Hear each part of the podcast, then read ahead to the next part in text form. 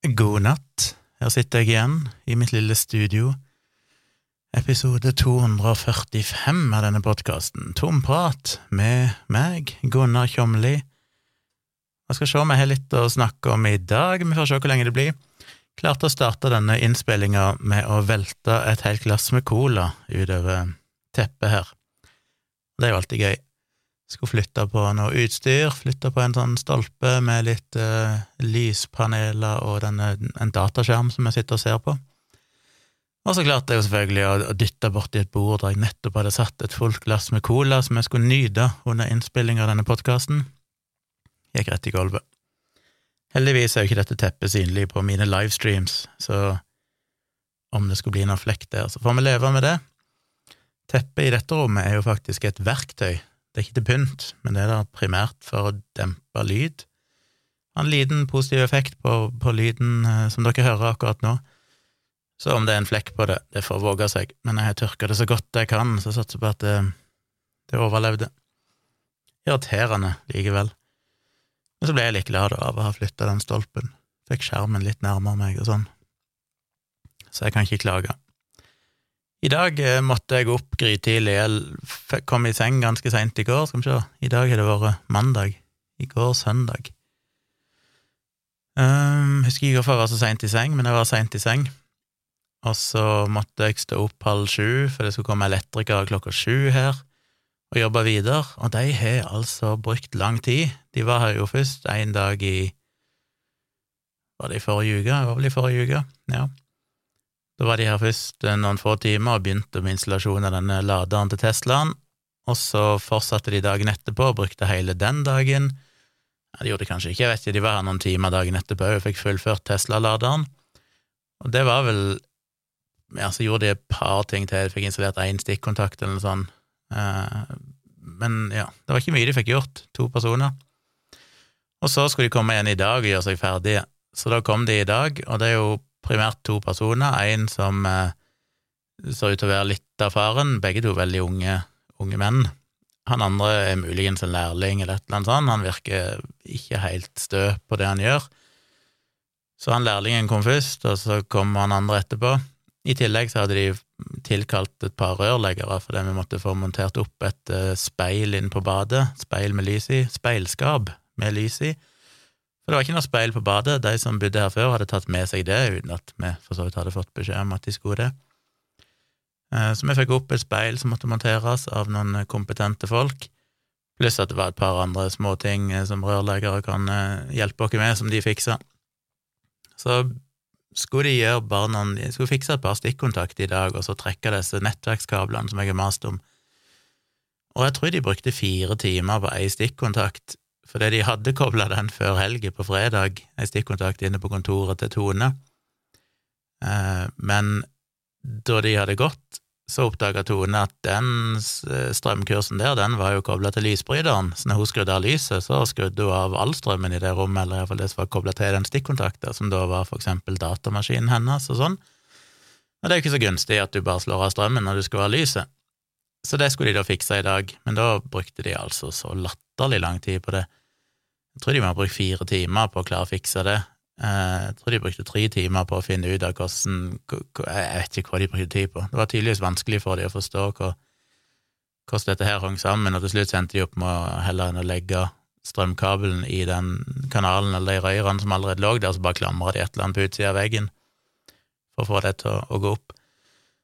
Så det var egentlig det de fikk gjort i dag, og så skal de komme tilbake igjen i morgen og da håper jeg endelig de skal få trukket disse eh, nettverkskablene mine og fått på plass de siste stikkontaktene.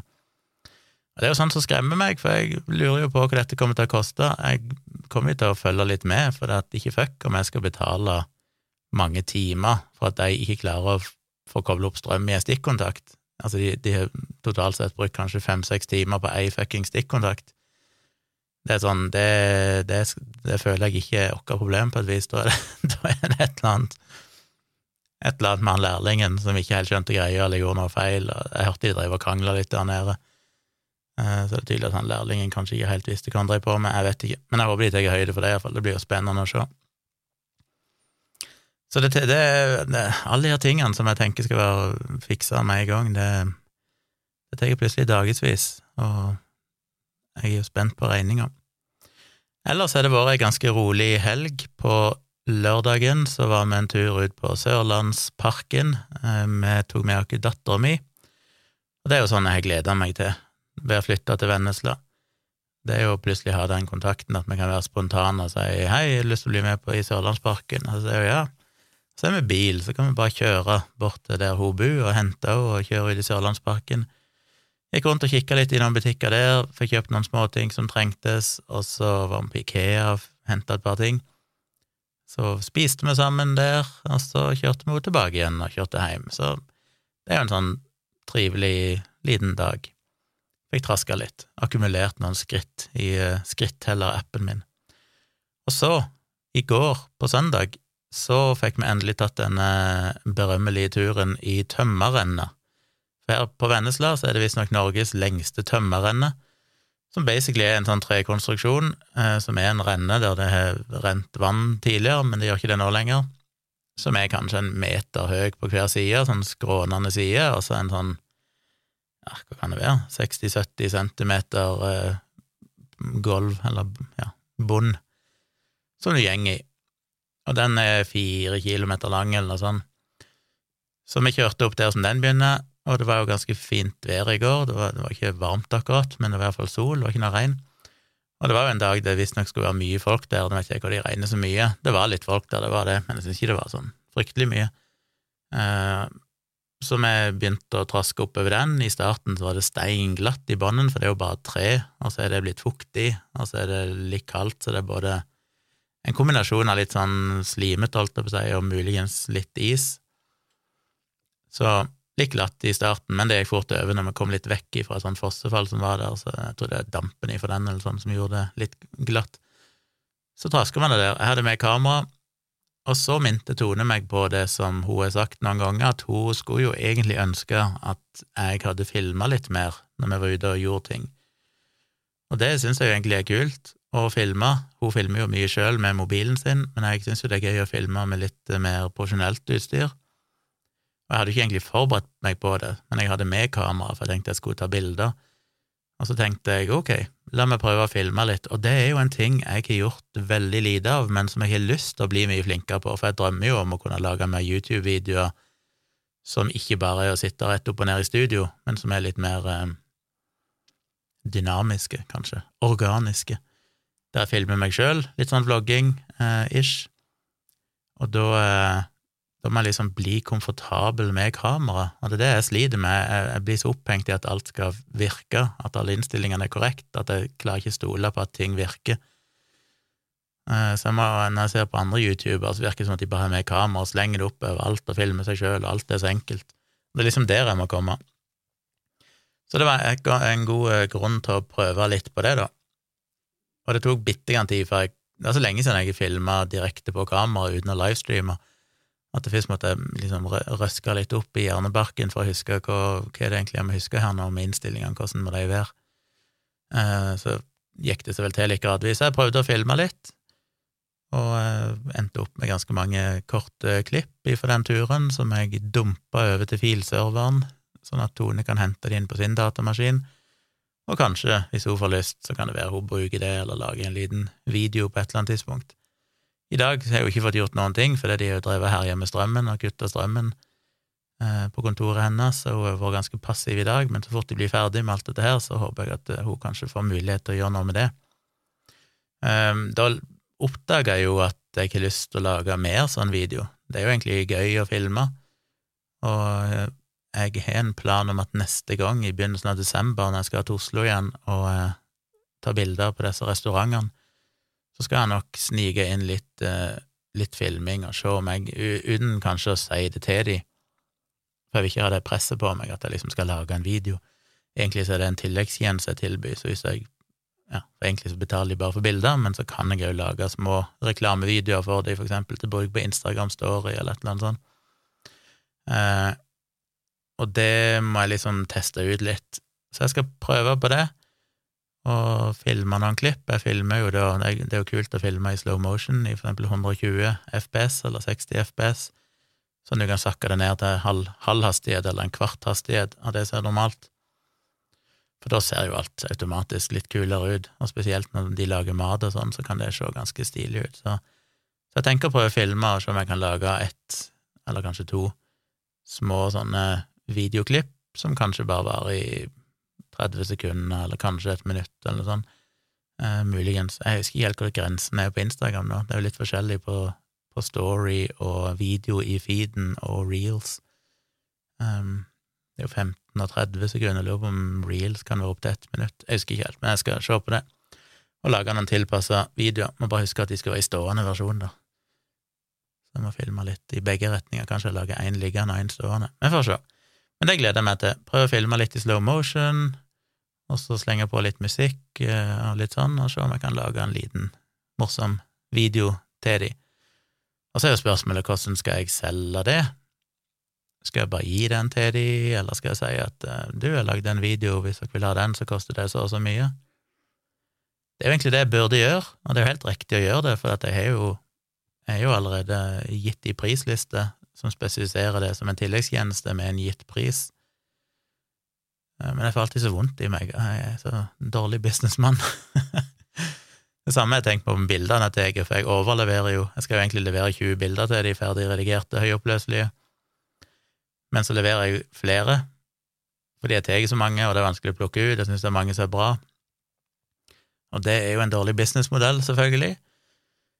Så jeg har jo tenkt på det at hvis jeg hadde vært liksom beinhard kynisk, for det, det fotografer ofte tjener mye penger på, det er jo å selge bildefiler.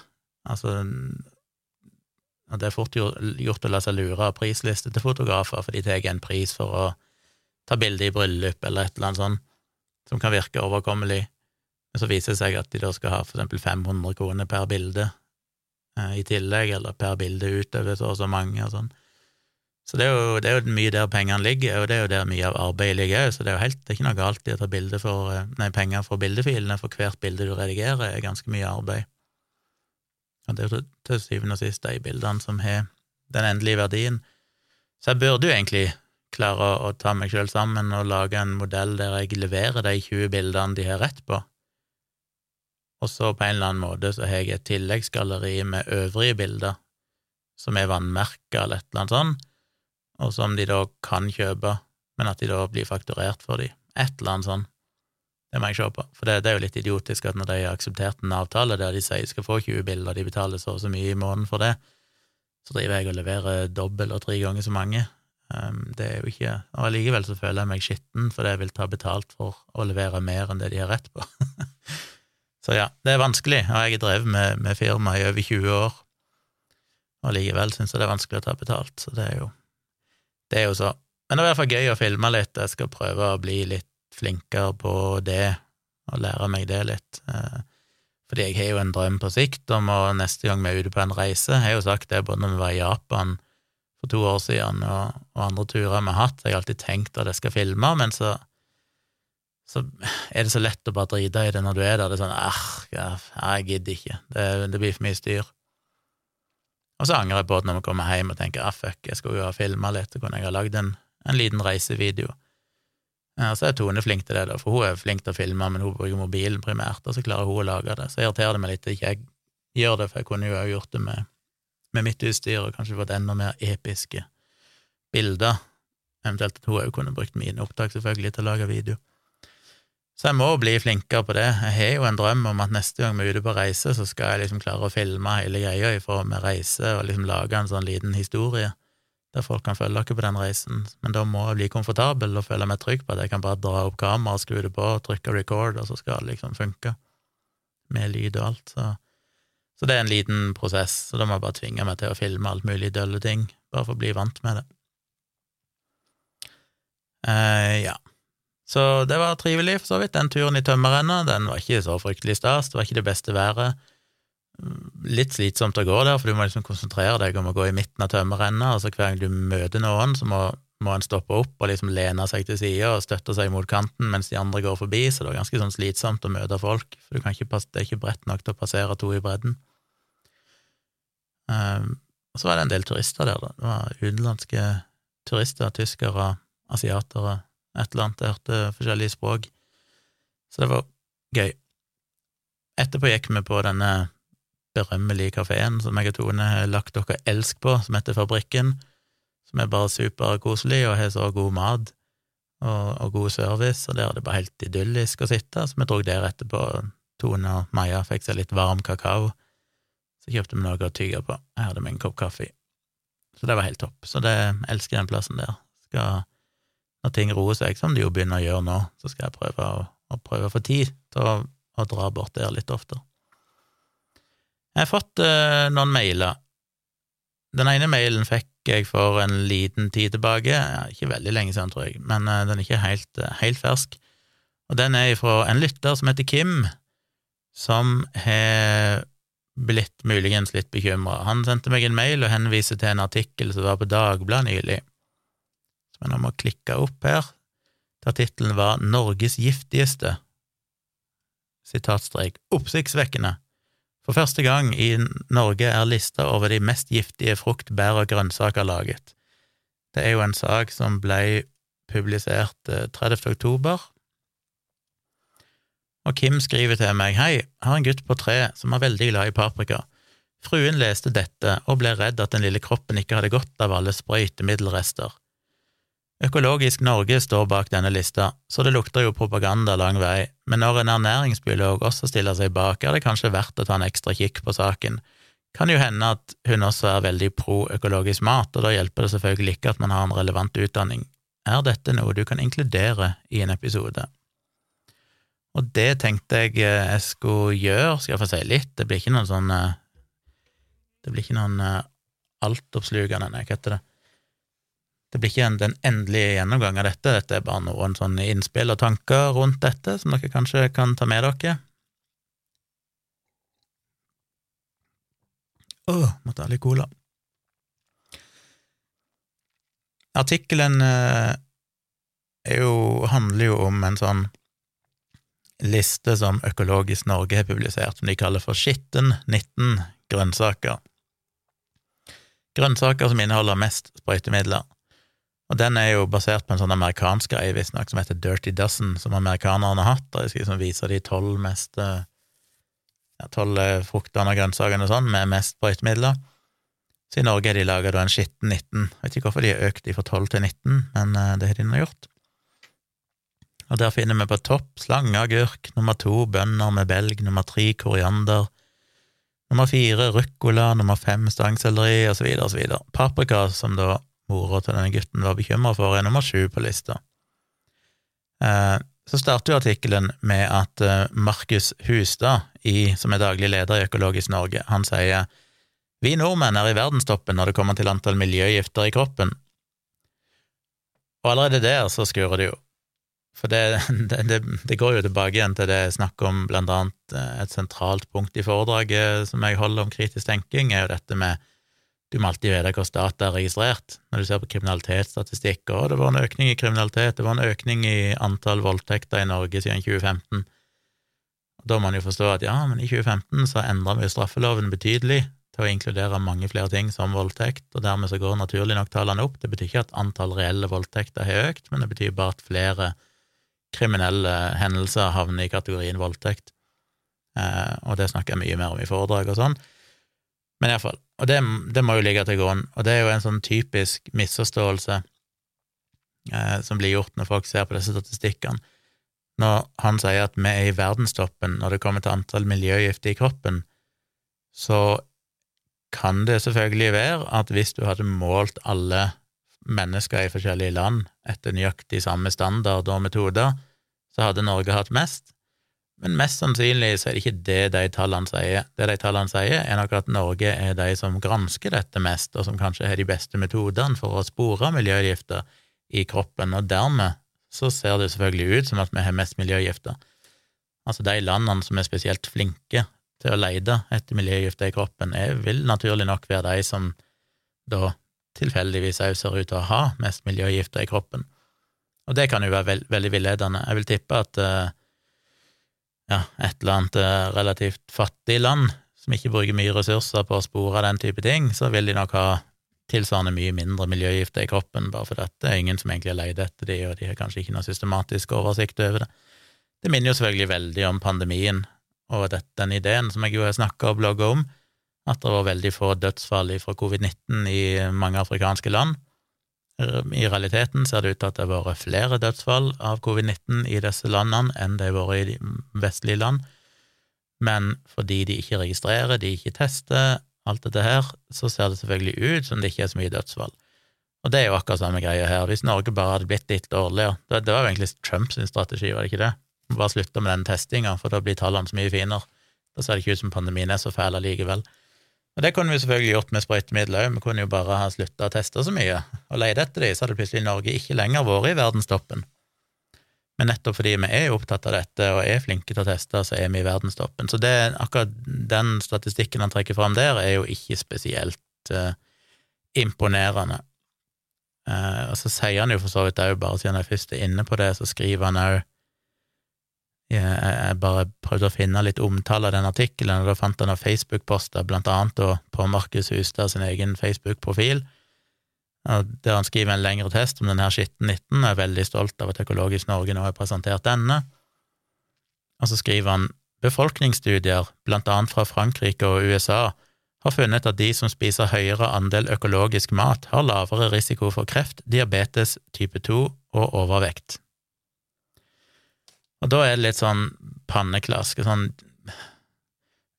Jeg forventer jo iallfall et sånn minimum av redelighet hvis du skal gå ut og prøve å overbevise folk om at det er sunnere å spise økologisk mat. For la meg slå fast en gang for alle, det finnes absolutt ikke noe data som tilsier at det er mer at det er helsefremmende eller mindre helsefarlig eh, å spise konvensjonelt. Ja, nå ble det veldig rodete. Det er ingenting som tilsier at det er sunnere eller bedre å spise økologisk mat hvis du tenker på helse i seg sjøl. Så det han sier, da, at de som spiser høyere andel økologisk mat, har lavere risiko for kreft, diabetes type 2 og overvekt, det er jo den klassiske feilen med den type befolkningsstudier, der du er nødt til å selvfølgelig kontrollere for alle andre faktorer. Og det vet vi ikke om vi har gjort her. Jeg vil jo anta, og det tror jeg dere òg eh, følger meg i, at de som primært spiser sånn veldig aktivt og bevisst velger økologisk mat, mest sannsynlig er de samme folkene som spiser sunnere og har et sunnere eh, levesett generelt sett. Jeg vil tippe at de mosjonerer mer, vil tippe at de unngår mye, ja, mye søtsaker, mye kjøtt. Jeg tipper det er en høy andel veganere og vegetarianere i den gjengen. Um, og det er klart, det er alt det. Det er neppe folk som røyker, det er neppe folk som eh, drikker veldig mye alkohol.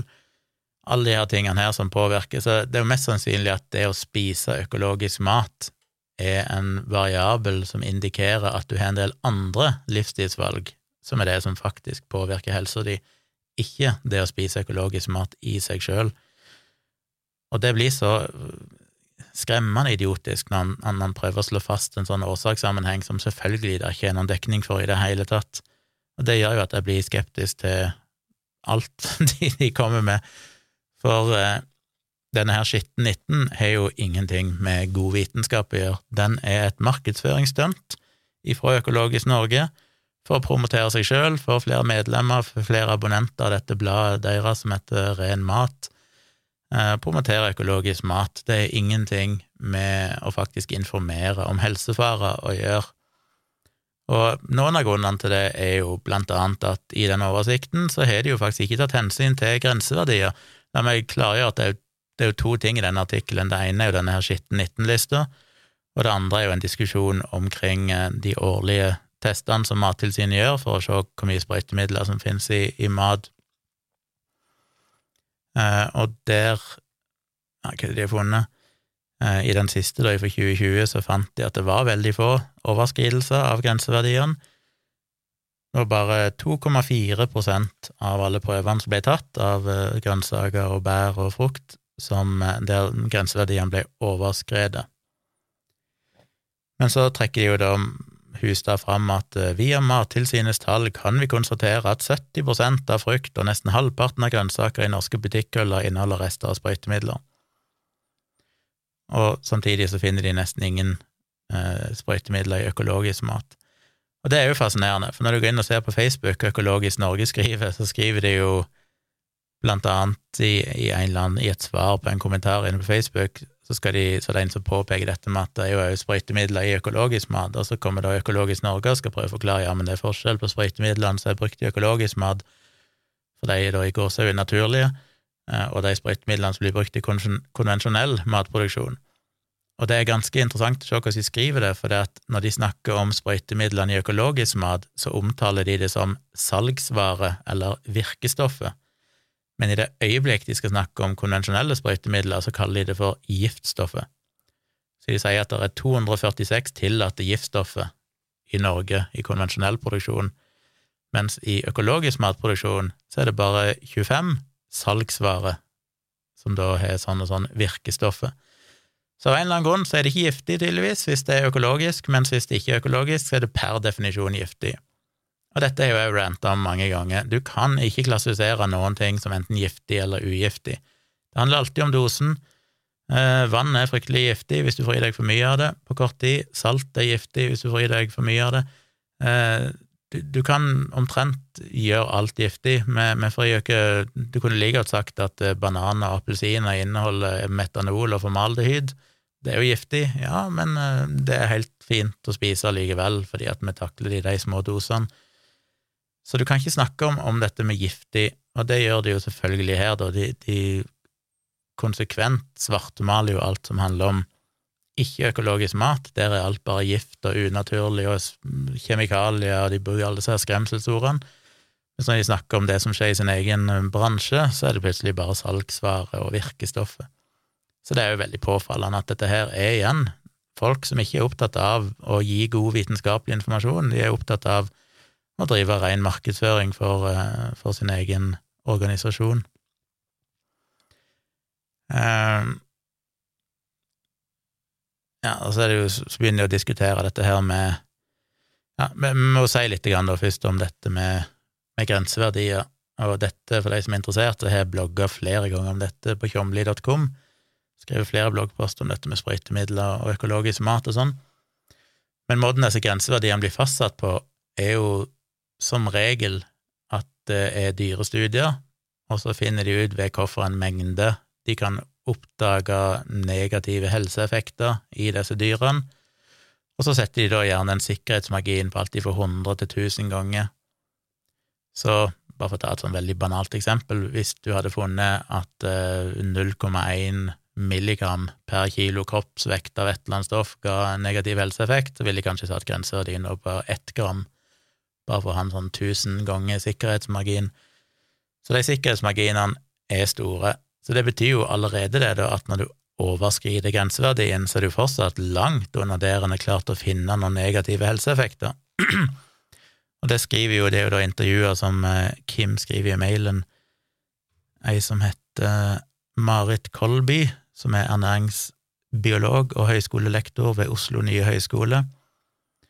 Hun skriver jo hun som uttaler seg vel litt om dette med, med grenseverdier, og sier for eksempel at for eksempel var det fram til 2019 lov å ta inn og selge bananer som inneholdt 3 milligram per kilo, og klementiner som inneholdt 2 milligram per kilo av dette stoffet som heter klorpyrifos. I dag er grenseverdien satt til 0,01 milligram per kilo. Med andre ord var det lov å selge matvarer med 200-300 ganger mer klorpyrifos enn det som nå er lovlig. Og det er sant, det fins jo noen sånne tilfeller der de faktisk senker grenseverdiene. Som regel så ser det ut til at de øker grenseverdiene. Det er jo stort sett det disse økologiske fanatikerne har påpekt i alle år, at eh, de mener det er en slags konspirasjon, at eh, industrien og sånn presser myndighetene til å øke grenseverdiene. I realiteten så er det fordi forskningen alltid starter, eller disse grenseverdiene i nesten alle tilfeller blir satt veldig konservative. De finner en mulig Det finnes én eller to dyre studier som tyder på at det kanskje er en eller annen negativ helseeffekt ved en eller annen grense, så setter de en veldig da, konservativ grenseverdi, som kanskje er 100 ganger lavere, eller et eller annet sånt. Og så, når det kommer mer forskning, så oppdager en at oi, dette stemte ikke allikevel, og egentlig så ser det ut til at vi tåler mye mer av det og så øker de grenseverdiene. Så det å øke grenseverdiene er jo det som gjerne er, det, er normen, og det er jo fordi det kommer bedre data, mer vitenskap som viser at disse stoffene ikke er så farlige som vi trodde. Allikevel så velger hun å trekke fram da et av de få tilfellene der de har senka grenseverdien, Men hun nevner fortsatt ikke at disse grenseverdiene har store sikkerhetsmarginer, så selv om det da teoretisk sett skulle være lov, eh, selv om det var lov før 2019 å ha noe, en grenseverdi som var i forhold til det som det ble endret etter 2019, da 200-300 ganger eh, høyere, så er det godt sannsynlig at det fortsatt lå unna der de fant helseskader for disse stoffene. Og så er det to viktige ting til. Det ene er at disse helseskadelige verdiene ofte er dette med A, som heter ADI, altså akseptabelt daglig inntak. Det betyr jo i praksis da at du må egentlig innta dette hver eneste dag over veldig lang tid før du ser disse helseskadene. Det er ikke sånn at hvis du spiser, i dette tilfellet bananer som overskred grenseverdiene en gang, eller noen få ganger i en måned eller i et år, så vil det være et problem. Det er jo hvis du spiser det kontinuerlig hver eneste dag over lang tid. Det andre er at dette stoffet da er på skallet til bananen, og veldig få jeg kjenner spiser bananskall, så mengden av dette klorpyrifos som faktisk trenger inn i selve bananen, frukten eller kjøttet eller hva du kaller det, vil jo være ekstremt mye lavere enn det igjen. Så det blir jo på en måte Det er sånn, ja, teknisk sett så er det riktig, men i praksis så er jo dette skremselspropaganda. Det er tilnærmet umulig å få i seg mengder av det stoffet som faktisk er helseskadelig, selv om det i teorien da kan ha overskredet grenseverdiene. Og det vil jo gjelde da disse 2,4 prosentene som er funnet i 2020, og det ligger jo som regel der, hvis du ser på statistikkene fra Mattilsynet, så ligger det ofte på sånn pluss-minus 2% av de matvarene de, tester, så finner de en overskridelse. Som regel så er det primært da på importert mat, og generelt sett så er det sånn at i norskprodusert mat så er det nesten ingen, ekstremt sjeldent, at det er noen overskridelse av eh, disse grenseverdiene. I mat importert fra EU så er det kanskje marginalt mer, men stort sett så har jo EU og Norge omtrent de samme reglementet sånn at det vil stort sett være ganske likt. Eh, men de store overskridelsene finner en da hovedsakelig, ser det ut til, på import av mat fra andre land utenfor EU. Så det er liksom trenden i dette. Men de har altså ikke tatt hensyn til grenseverdier, eh, i, ikke i denne her Mattilsynets oversikt, de tar hensyn til grenseverdier, men i denne her skitten 19 så ser de ikke ut til å bry seg om grenseverdier. Det eneste de har sett på, er jo hvor mye av disse sprøytemidlene har det generelt sett vært funnet i disse grønnsakene eller frukten, uten å ta hensyn til om det faktisk overskrider grenseverdien eller ikke, som jo blir ganske meningsløst. Hvis de da i en eller annen grønnsak finner et, ofte finner rester av et sprøytemiddel som er såpass lite farlig at grenseverdiene der er veldig høye, men de kan òg da finne mer av det sprøytemiddelet, sånn at det totalt sett ser ut til å være mer rester av sprøytemidler på akkurat den grønnsaken enn det av andre grønnsaker, så sier jo det absolutt ingenting om at den grønnsaken da nødvendigvis er farligere, fordi stoffet i seg sjøl er mindre farlig. Eh, så ut ifra det jeg har skjønt, ifra fra kommentarer jeg har lest rundt forbi, så ser det ut til at denne oversikten da ikke tar hensyn til grenseverdier, som jo gjør hele greia litt sånn meningsløs. Det er jo som å, å sammenligne ja, forskjellige stoffer med ekstremt forskjellig uh, giftighet eller farlighet i de dosene og så bare se på mengden av det, uten å ta hensyn til hvor giftig stoffet faktisk er. Så ja, bare der så rakner jo hele greia. Um, og så hva mer? Ja, jeg kan jo bare nevne det igjen om det klorpyrifos som ble nevnt her, som ofte blir trukket fram, at det ofte da Nå er vel det ikke lovlig Det er ikke lovlig i Norge, og det ble vel forbudt i EU òg, så det finner en vel da egentlig bare på, på frukt som er importert fra land utenfor EU, men det er primært da på sitrusfrukter og banan, og som jeg nevnte, ikke så veldig relevant, for det er primært på skallet. Jo da, som Økologisk Norge påpeker i noen kommentarer, så kan det trekke helt inn i selve fruktkjøttet og i saften, men det er vel naturlig å anta at mengdene der er mye, mye mindre, så selv om du skulle overskride grenseverdiene på skallet, så er ikke det dermed gitt at det, det overskrider grenseverdiene inne i, i det du faktisk spiser.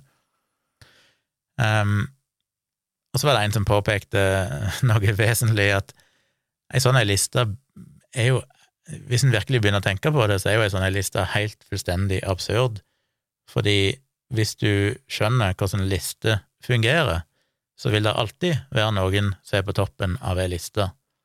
Lager du ei liste over sprøytemidler i 100 plant- eller 100 matvarer, så vil det selvfølgelig være 19 av de som er på toppen, men det sier jo absolutt ingenting om de 19 på toppen faktisk er farlige eller ikke, det er bare at de tilfeldigvis har mest. Men hvis det fortsatt er under grenseverdier eller er stoffer som ikke egentlig er farlige, og det er ikke noen realistisk måte du kan få i deg nok av de stoffene på fordi du spiser ikke spiser ikke klementiner hver eneste dag hele året, du spiser ikke skallet på klementinene, alle de her tingene her, grenseverdiene er langt over det som eh, ADI er basert på, så, så forteller det ingenting. Dette er jo igjen da bare ren skremselspropaganda, og Økologisk Norge er jo veldig tydelig på at det finnes kun én grunn til at de har laga denne lista, og det er for å få folk til å velge økologisk, fordi det da i mye mindre grad er rester av sprøytemidler på økologiske matvarer. Men igjen, hvis ikke det er farlig i seg sjøl med disse sprøytemidlene, så forteller dere ingenting. Nå skal jeg selvfølgelig ikke kategorisk si at ikke disse sprøytemidlene kan ha helseskadelige effekter. Jeg er jo glad at vi er nøye på det, at industrien, holdt på å si, eller de som produserer maten, blir nøye overvåka. Jeg vil jo at det selvfølgelig ikke skal være mer sprøytemidler enn det som kan finnes på det. Eh, vær så strenge en kan. For all del syns det er bra at Mattilsynet utfører disse kontrollene, syns det er bra at de tar kontakt med leverandørene der de har funnet eh, at det overskrider grenseverdiene, sånn at de kan skjerpe seg. Men det er en stor forskjell på å verdsette det og på det å faktisk gå rundt og tro at det er farlig, eller gå rundt og være redd for det, fordi det er det veldig liten grunn til å anta at det er, basert på alt det jeg har sagt eh, nå så langt.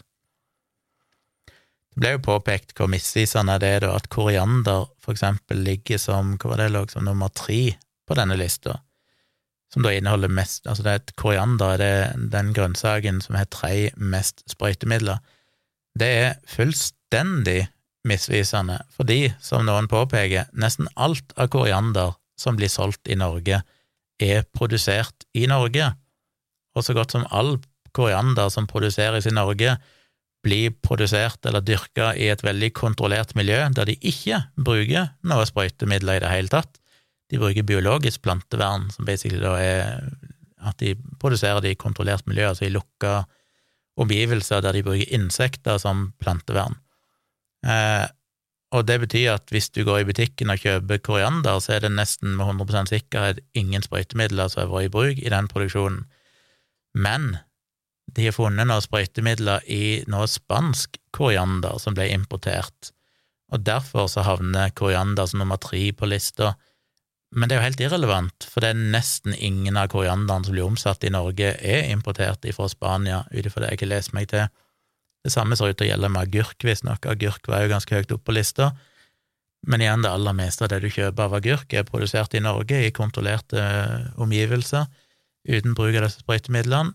Så igjen, hva i all verden er poenget med sånne lister? Eh, lista forholder seg ikke til grenseverdier, og han forholder seg ikke til hva sannsynligheten er for at du skal få i deg disse sprøytemidlene. Og det, det går jo litt i kjernen av det der med forskjellen på risiko og fare. Eh, at ja, en kan si at løve er forferdelig farlige, men allikevel så er det veldig liten risiko knytta til løve i Norge, fordi risikoen for å bli eksponert for løve i Norge er forsvinnende liten. Så løve i seg sjøl, hvis du møter ei løve, så vil det være fryktelig farlig men risikoen for å bli drept av ei løve i Norge er veldig liten. Og Det er litt sånn her med denne korianderen òg, at du kan si at ja, hvis du spiser koriander fra Spania, så er det kanskje noe av det mest eh, største andel sprøytemidler, selv om da vi igjen vet ingenting om hvilken type sprøytemiddel det er, om det er i nærheten av å overskride grenseverdiene. Det kan bare være at det er mye av sprøytemidler på det, men at òg grenseverdiene er så høye, for akkurat det sprøytemiddelet er veldig ufarlig, og dermed blir det jo helt misvisende. Men la nå si at det da faktisk Økologisk Norge hadde hatt et fnugg av redelighet i kroppen sin, og faktisk prøvde å presentere ei liste som sa noe om hvor farlig det faktisk var å spise disse grønnsakene. Så eh, hadde det fortsatt vært helt irrelevant, fordi det er veldig liten sannsynlighet for at du noen gang kommer til å støte på denne spanske korianderen når du går i butikken. Så det er vanskelig å forstå, og det er det som provoserer meg så dette er folk som er veldig opptatt av og liksom, De vil jo bare at folk skal ha god helse og velge riktig, og jeg tror dette er mennesker som er veldig Altså, mitt inntrykk av folk som er opptatt av ting som økologisk mat og sånn, er jo gjerne at det er jo definitivt bra folk. Men de er så på ville veier når det gjelder forståelsen av vitenskap og hvordan du presenterer den informasjonen. Det er liksom så fundamentalt uredelig, det er så agendadrevet, at det bare blir sånn du bare, jeg, bare, jeg, blir, ja, jeg blir kvalm. Jeg mister helt respekten for alt som kommer fra den kanten som vil promotere økologisk, for det er gang på gang så er det bare misbruk av vitenskap og faktafeil. Og det er forferdelig irriterende. Retten og sletten.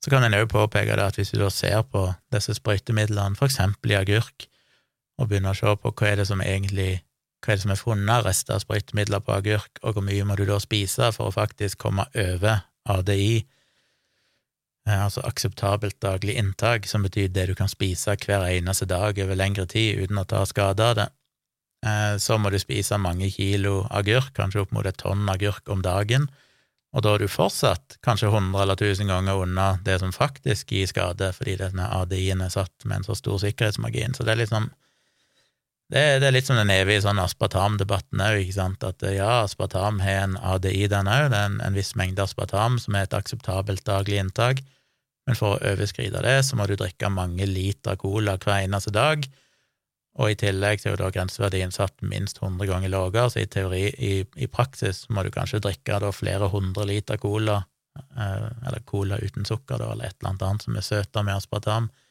hver dag for å overskride eller for å komme der som du faktisk eh, Da de mener har funnet helseskade hos dyr. Totalt urealistisk. Så det blir Ja.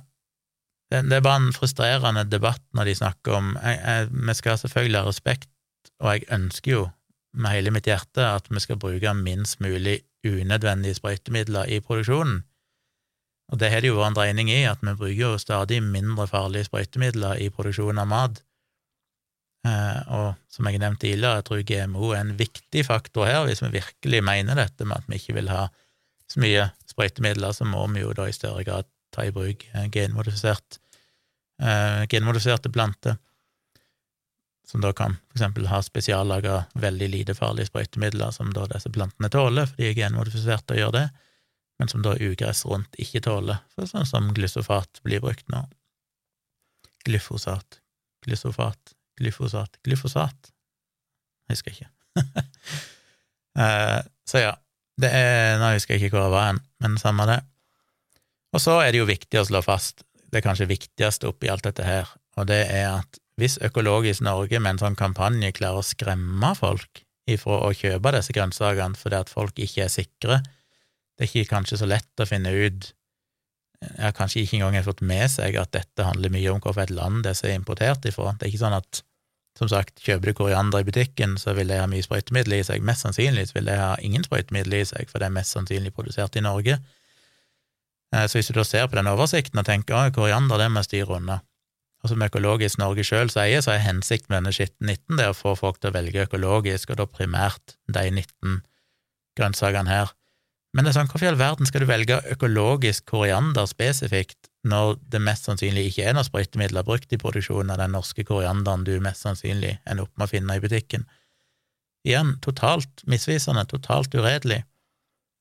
Så, ehm, så det er jo helt meningsløst. Og hvis du da ender opp med at folk nå spiser mindre bønner med belg, eller mindre paprika, eller mindre salat, fordi de står på denne skumle lista og får presseoppslag, vel, så har du ganske effektivt sørga for at folk, sin, eh, folk vil oppleve en større helserisiko ved denne endra kostholdet sitt.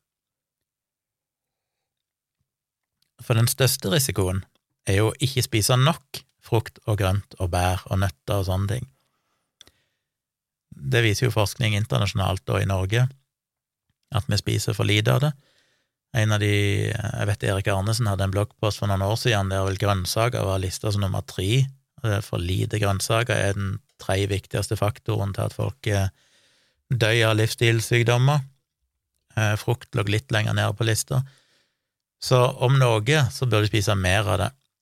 Og det blir jo omtrent det samme som eh, med oppdrettslaks, at jo da, det finnes noe miljøgifter i oppdrettslaks, men mye, mye mer i villaks. Villfisk generelt sett er jo mye mer miljøgifta enn eh, oppdrettsfisk. Eh, så ja, det er ikke i teorien helt risikofritt å spise oppdrettslaks, men det er mye farligere å ikke spise fisk. Fordi du trenger de stoffene som er i fisken. Vi trenger å spise mer fisk, ikke mindre fisk. Eh, så uansett hvor mye sånne stoffer du skulle finne i, i oppdrettslaks, for eksempel, så er det utvilsomt sånn at helsegevinsten av å spise det overvinner den eventuelle lille helserisikoen ved disse giftstoffene. Og det samme vil jo i aller høyeste grad gjelde her. Spis mer slangeagurk, spis mer bønner med belg, spis mer paprika og salat. Eh, hvis det er noe du kan gjøre for helsa di, så er det jo å spise mye mer grønnsaker hver dag, og ikke bekymre deg for disse sprøytemidlene. Hvis du vil velge økologiske varianter, ja, så for all del kjør på, men iallfall ikke velg det bort. Ikke la være å spise disse tingene fordi du blir usikker. Og så er jo da selvfølgelig problemet at økologiske varianter ofte er dyrere. Så hvis det gjør igjen da at folk tenker at ja, skal jeg kjøpe dette, så må jeg kjøpe den økologiske varianten, men det er ikke det jeg har råd det ønsker jeg ikke å prioritere i mitt matbudsjett, så vil jo det effektivt føre til at folk spiser mindre igjen. Og det, så alt i alt er dette bare en forferdelig, ikke bare misvisende, fullstendig Ikke bare villedende, sånn uønska villedende, men sånn bevisst villedende. Den, denne sier absolutt ingenting. Forteller ingenting, den oversikten, over hva den faktiske risikoen er ved å spise disse forskjellige grønnsakene. Og det er så irriterende å se. Um, ja, var noe mer jeg hadde å si om det? Det er altså til syvende og sist bare et, eh, et reklamestunt. Det er ingenting annet enn det. Det er ingenting med å opplyse forbrukere. Det er kun med å, å skape blest om sin egen organisasjon, Økologisk Norge. Så om noe skal gi dere en oppfordring, så er det iallfall å styre veldig langt unna Økologisk Norge.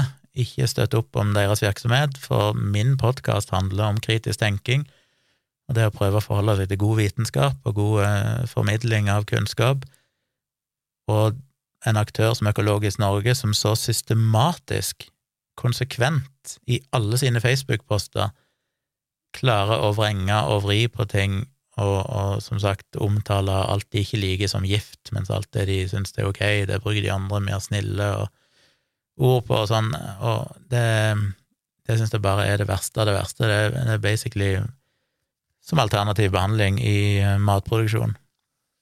Og det har jeg ikke mye sansen for. Så jeg håper kanskje Kim ble litt beroliga, denne oversikten, hvis mor, mor til denne gutten, eh, kona di, samboeren din, kjæresten din, hva hun er, er redd for, eh, for at ungen skal spise paprika, så må hun iallfall ikke basere seg på denne lista, for den lista sier ingenting om hvor farlig paprika er. Det er ikke sånn den lista er designa. Den bryr seg ikke om grenseverdier, og han bryr seg ikke om risikoen du har for å faktisk kjøpe paprika som har disse stoffene i seg. Det kan være at, disse, ja, at dette var en spesifikk paprika fra et spesifikt land som du sjelden kjøper i Norge.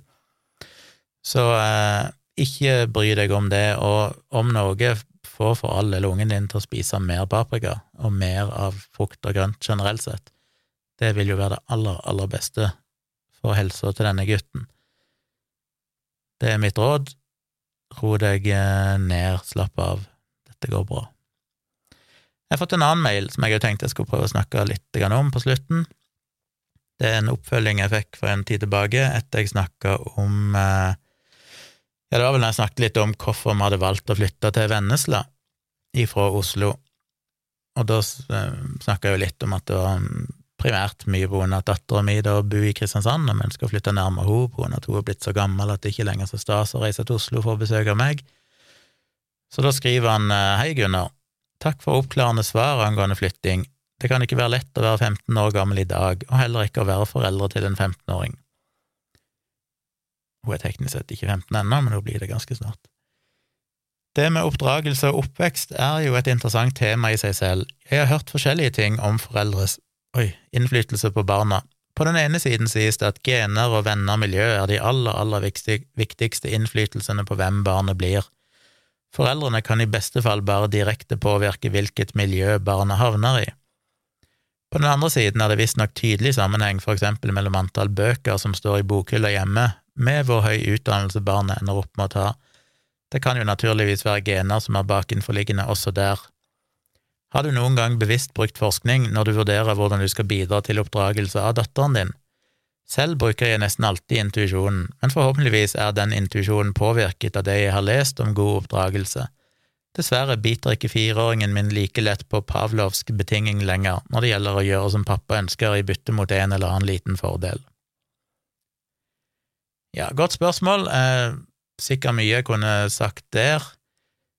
Eh, generelt sett så er jeg jo skeptisk til all denne forskningen som, som, skal prøve å kartlegge dette, for den føler jeg jo spriker i alle retninger, og det er så mange variabler du ikke har mulighet for å kontrollere for, at eh, det, det blir omtrent ubrukelig å prøve å finne ut av det, dette her med født sånn eller blitt sånn. Det kommer vi jo til å prøve å forske på og diskutere i all evighet, tenker jeg, uten at vi klarer å kontrollere tilstrekkelig for alt, alt du bør kontrollere for. Så jeg syns det er vanskelig. Jeg vokste opp i et eh, for å ta en anekdote, jeg vokste opp i et hjem med mye bøker, og har ikke tatt med noe høyere utdanning i det hele tatt, så jeg bryter jo eh, hele den trenden. Eh, ja, jeg er klar over det at enkelttilfeller ikke har noe relevans for den generelle statistikken på det området.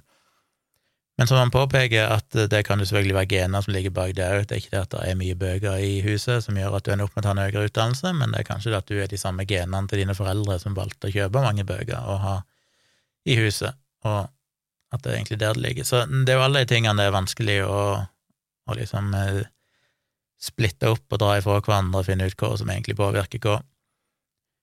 Jeg har jo Nærmest jeg har vært og drøfta det konkret, er jo i de bloggpostene jeg skrev om alkohol og foreldreansvar. Jeg har jo flere bloggposter om det i bloggen min, og det, det går jo mye på det samme, ikke sant, klarer en å finne ut av hvilken effekt foreldre har på alkoholkonsumet til ungene.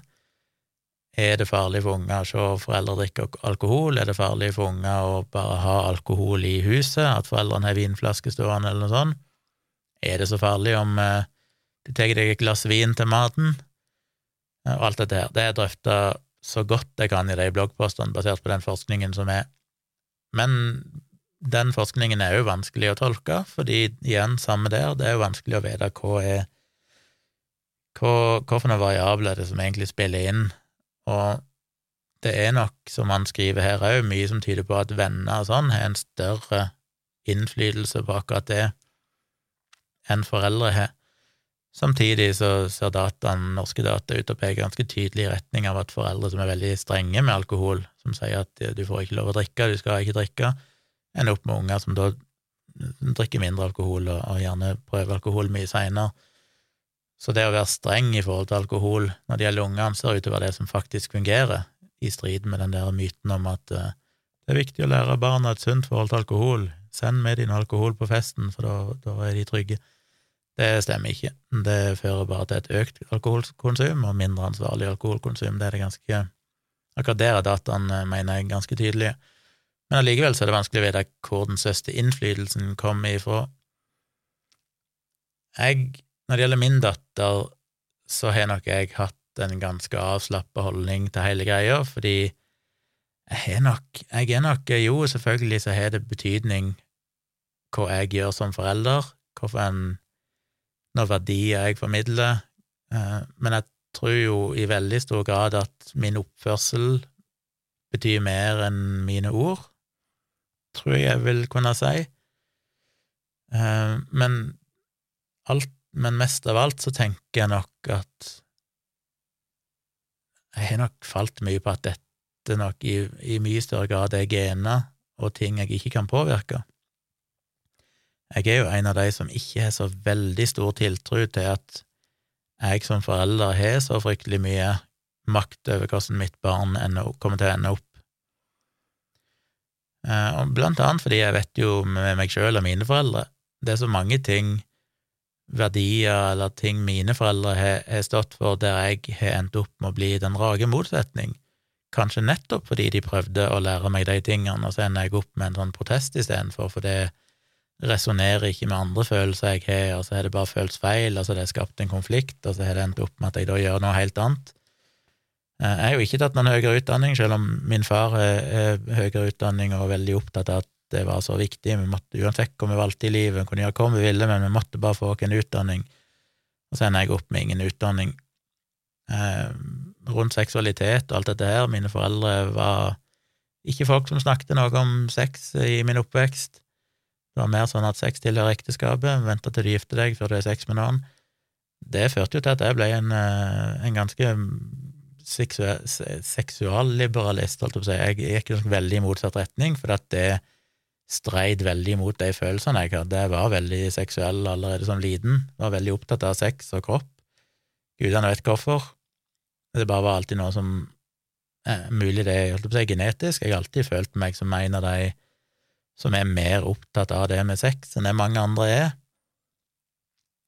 Lenge trodde jeg det bare var det at jeg turte å snakke om det mer, mens andre ikke snakker om det, men etter hvert fant jeg ut at nei, det er jo faktisk en, en genuin forskjell. Eh, så jeg, jo, jeg liker jo folk som, som, matcher meg på det området. Skal jeg få meg venner eller date noen, så liker jeg at det er folk som er, den, den, samme åpenheten rundt seksualitet som det jeg har, den samme nysgjerrigheten, den samme trangen etter å forstå og utvikle seg, finne seg sjøl. Eh, for det er jo en sånn evig reise, for å bruke den klisjeen dette med seksualitet. En, en oppdager stadig nye ting med seg sjøl og, og, sånn. Så alt det har liksom leie i meg, og når da foreldrene mine aldri snakker om sex, og bare sier at sex tilhører ekteskapet, og skal liksom, du skal basically ha sex med én person i hele ditt liv, og det er den du gifter deg med, så skapte jo det en slags konflikt, det resonnerte ikke med meg, og da endte jeg opp med å bli veldig motsatt deg. Så deres verdier på det området hadde jo ingen effekt på meg, anten at Eller det hadde en effekt på meg, bare i motsatt retning. Og det er sånn, hvordan kan du kontrollere det? Eh, jeg kan jo, uansett hvilke verdier jeg formidler til min datter, så vil de verdiene og budskapene eh, bli tolka i kontekst av følelser hun har, som kanskje da kommer fra innflytelse fra helt andre ting, venner, eh, andre personer og kanskje gener, kanskje bare biologiske følelser, alt si, noe som bare hun føler, som bare sitter i henne og dermed så kan utfallet av det budskapet mitt gå i alle retninger. Det er ikke sant at hvis jeg formidler et budskap, så kommer hun til å ta det budskapet til seg og, og, og holde det på, på, i samme kurs. Så det gjør det jo vanskelig. Jeg tror nok òg jeg oppdaga tidlig at det var nok noen ting jeg ønska at min datter ikke Altså noen egenskaper jeg ønska at hun ikke skulle ha, fordi at jeg visste jeg hadde hatt de, eller har de, og det har kanskje gjort ting i mitt liv vanskelig. Eh, ting knytta til sjenanse og redsel for å stille spørsmål, eller frykten for å fremstå som dum. Eh, veldig sånn perfeksjonisme. En del sånne ting. Jeg bare visste at det hadde vært veldig bra om dattera mi klarte å være litt mer laidback og ikke så fokusert på de tingene der. Og så prøver jeg da å gjøre grep i, da hun var veldig liten, for å liksom prøve å, at hun ikke skulle gå i den retningen der, og så ser jeg jo at Men hun blir jo sånn allikevel. Og da tenker jeg at eh, dette er nok bare sånn vi er. Hun har 50% av mine gener, og et eller annet i min hjerne gjør at det er sånn jeg fungerer. Et snev av uh, autisme, kanskje, et eller annet der, uh, som, som, har gjort meg til den jeg er. Og da hjelper det fint lite hva jeg egentlig prøver å fortelle dattera mi. Jeg klarer ikke å styre henne vekk fra den kursen. Det, det er sånn tjomli genene i denne generasjonen er blitt. Så jeg har nok, og det følte jeg jeg så veldig tidlig med henne i ganske ung alder, at shit, hun, hun, hun blir jo meg på mange områder der jeg skulle håpet hun ikke ble meg. Og det gjør meg òg litt sånn kvalm over foreldre som er veldig opptatt av at ungene skal bli kopier av seg sjøl. Det er selvfølgelig mange motstridende meninger om dette der ute, og dere er sikkert ikke enige med meg alle sammen, men jeg er jo av den typen som er veldig for at unger skal i barnehage tidlig. Jeg har ikke noe tro på at eh, foreldre nødvendigvis er de som er mest kompetente til å oppdra unger. Uh, historisk sett så har jo unger i veldig stor grad blitt oppdratt av fellesskapet, ikke av ett sett med foreldre i et hus. Og uh, jeg tror det er så viktig i samfunnet vårt i dag, det å bli utsatt for veldig mange forskjellige typer mennesker med forskjellige bakgrunner fra en tidlig alder, og ikke bli isolert i ett miljø. Eh, jeg har jo aldri hatt noe Men jeg visste, jo ikke hvordan du oppdrar et barn. Jeg har jo ikke peiling. Jeg er jo veldig glad for at det er folk med en eller annen utdannelse innenfor dette som jobber i barnehager, som faktisk har det ansvaret og, og klarer å gi, eh, skape et godt miljø og god læring eh, for ungene. Så alt det er jo, jeg er jo, når, når jeg leser om foreldre som er sånn at de tar fri for jobben i seks år fordi at ungene skal være hjemme fram til de må på skolen, fordi at det er så viktig at de liksom får formidle alle sine verdier og sånn til ungen så mye som mulig i de årene der, så tenker jeg sånn Jesus, hvilke høye tanker har du om deg sjøl? Tror du virkelig at verden nødvendigvis blir bedre om ungen blir akkurat som deg? Hvem faen er det du tror du er? Spesielt når det da selvfølgelig alltid er folk som jeg syns er komplette idioter, som har de holdningene, så jeg tenker vi trenger jo definitivt ikke flere av deg, vi trenger ikke noen klone av deg, vi trenger færre av deg. Få ned den ungen i barnehagen, så de kan få litt uh, objektive og blanda uh, innflytelse. Så jeg skjønner bare ikke sånne foreldre som, er, som tror at de eneste som kan på noen selvs måte gi, gjøre ungen deres til et bra menneske, er de sjøl. Uh, så jeg har nok hatt en ganske sånn Selvfølgelig, nå ble jo vi skilt når dattera mi var et år gammel, og eh, ifra hun var omtrent tre år, så jeg bodd i Oslo et stykke ifra henne. Jeg har jo hatt henne ofte, så mye jeg kan, men det er klart det gjør jo at jeg har hatt en litt mer tilbaketrukken rolle uansett, og litt mindre mulighet på en måte til å, å, ha den innflytelsen jeg kanskje ellers ville hatt. Men uavhengig av det, så har jeg jo alltid tatt en litt sånn Følt at det, det er jo noe med at jeg er ikke veldig autoritær. Jeg er veldig motsatt av autoritær. Eh, og jeg er ikke glad i Jeg er jo ikke glad i foreldre som er veldig strenge og, og mener at unger skal adlyde bare for de. Og det var jo alltid et problem for meg med dattera mi, fordi hun er smart. Eh, og hun, helt ifra hun var ett år gammel, holdt jeg på å si, så er hun kunnet argumentere imot på en veldig rasjonell måte.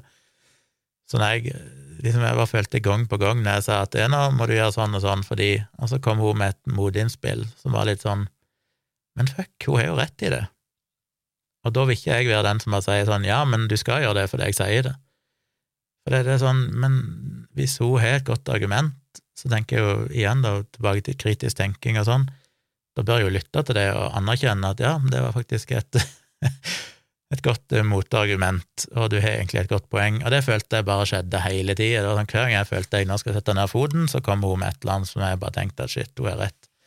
Så måtte jeg justere litt på det. Så jeg har nok ikke vært veldig streng i den forstand. Jeg har alltid prøvd å ha en dialog med henne, som er litt rart, fordi at når jeg var yngre, så var det det verste jeg visste, når jeg så sånne foreldre, sånne moderne foreldre som var så opptatt av å lytte til ungene og forklare ting, heller enn å bare sette ned foten og si at sånn er det.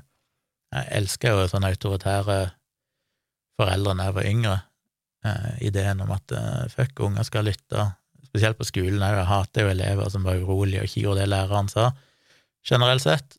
Og jeg likte jo lærere som var autoritære. Mens nå er jeg jo helt mye mer i retning av at jeg er nok tilhenger av den der dialogen, og lytte og, og prøve å være rasjonell i forhold til det. Og jeg syns jo jeg har fått ei datter som er jækla bra. Hun er flink på skolen, hun er gode venner, hun trives, hun er snill. Det jeg tror ikke jeg er feila veldig. Ting kan selvfølgelig gå nedoverbakke plutselig nå, men jeg føler det funka ganske så bra. Jeg syns hun er blitt empatisk og, og god på alle vis, så det jeg er selvfølgelig fullstendig inhabil der, men jeg var nettopp eh, Jeg har fått rapporter fra lærere og sånn, og hun er, det er gode tilbakemeldinger, så jeg tror det sånn generelt sett ser ut til å ha gått ganske så bra. Så for å svare på dette spørsmålet, da, fra denne lytteren, Erik eh, Andreas, så har jeg nok ikke tenkt noe på vitenskap i den sammenhengen der. Jeg har heller ikke noe særlig tiltro til at jeg har så enorm innflytelse som skeptiker og sånn, og jo mer jeg har lest om hjernen og hvordan vi konstruerer vår egen virkelighet og alt det der, så er jeg jo òg mer og mer overbevist om at i veldig stor grad så er vi jo styrt av tilfeldigheter, altså bare etterrasjonaliserer vi alt dette, så vi, vi, tror at ting henger sammen, at det skjedde fordi foreldrene mine sa sånn og sånn, men jeg, ofte så er nok det bare en sånn, et narrativ som hjernen sjøl skaper for å gi følelsen av mening og kontroll. Og derfor så har jeg ikke så stor tro egentlig på at de årsakssammenhengene er der, og tenker at det beste jeg kan gjøre, er å vise kjærlighet, ha en åpen kommunikasjon, være, være åpen for å diskutere alt. Um, for meg er jo det med skam kanskje det verste som fins. Alt jeg kan gjøre for å, liksom fjerne skam, er vel kanskje det eneste jeg har vært sånn virkelig opptatt av.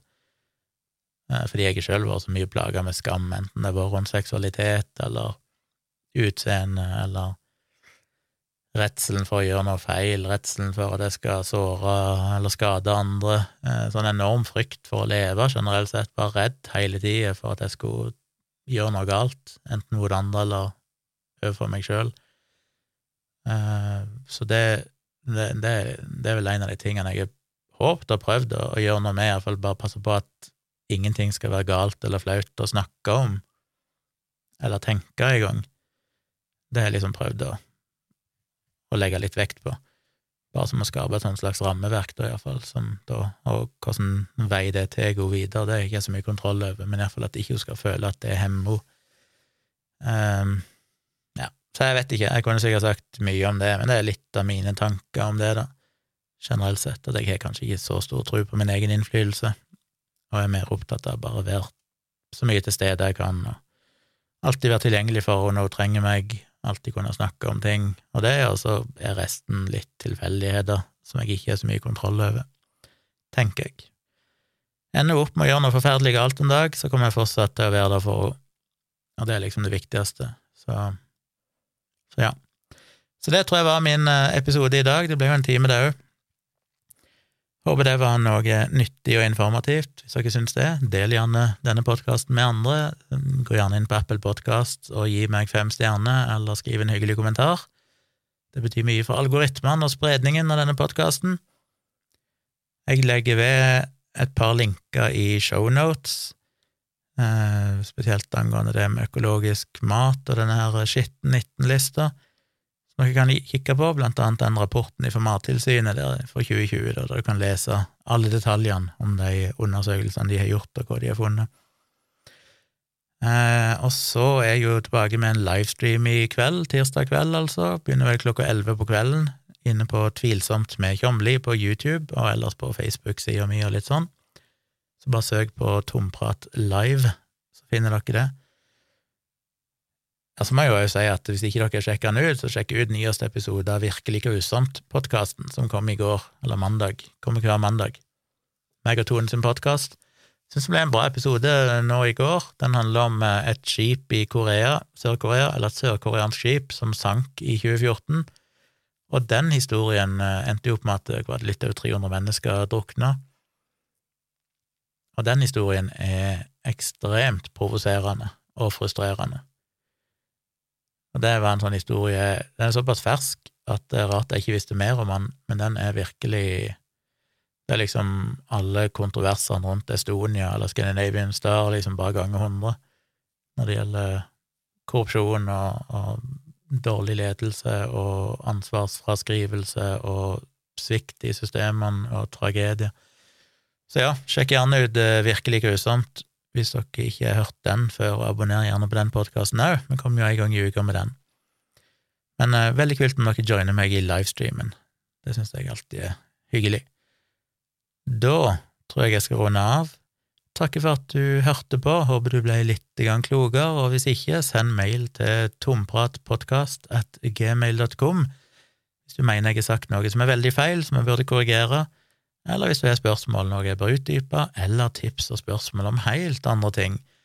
Eh, spørsmålet fra Erik Andreas om eh, dattera mi og oppdragelse og sånn setter jeg jo veldig pris på. Jeg liker jo sånne spørsmål som ikke bare handler om vitenskap og forskning og, og sånne ting, men òg er litt mer personlige, som jeg kan filosofere litt rundt. Det syns jeg er kanskje noe av det gøyeste å snakke om, så jeg setter veldig pris på den type spørsmål, og ingen spørsmål er for eh, private. Det får jeg i så fall vurdere sjøl om det er ting jeg vil svare på offentlig. Men det er jo alltid lov å spørre uansett, så jeg liker jo å være litt privat og kanskje snakke om ting som kan være litt eh, skummelt og tabu for andre å snakke om. Så fyr løs med den type spørsmål òg. Mailadressen er altså tompratpodkast at gmail.com. Podkast skrives med C. Og så fikk jeg en god nyhet i dag, forresten. Jeg skal ikke si noe om det ennå, men uh, er ingenting jeg kan si, kommer på nå, som jeg, der, som jeg kan gi hint uten at jeg avslører det. Så jeg, dere får bare vite at det kommer. Det som jeg iallfall syns er en god nyhet i løpet av uh, ikke så altfor lenge, jeg må bare finne ut når det skal offentliggjøres, men, uh, men ja, det var en god nyhet i dag. Ja, anyway, jeg runder av. Vi høres igjen på fredag.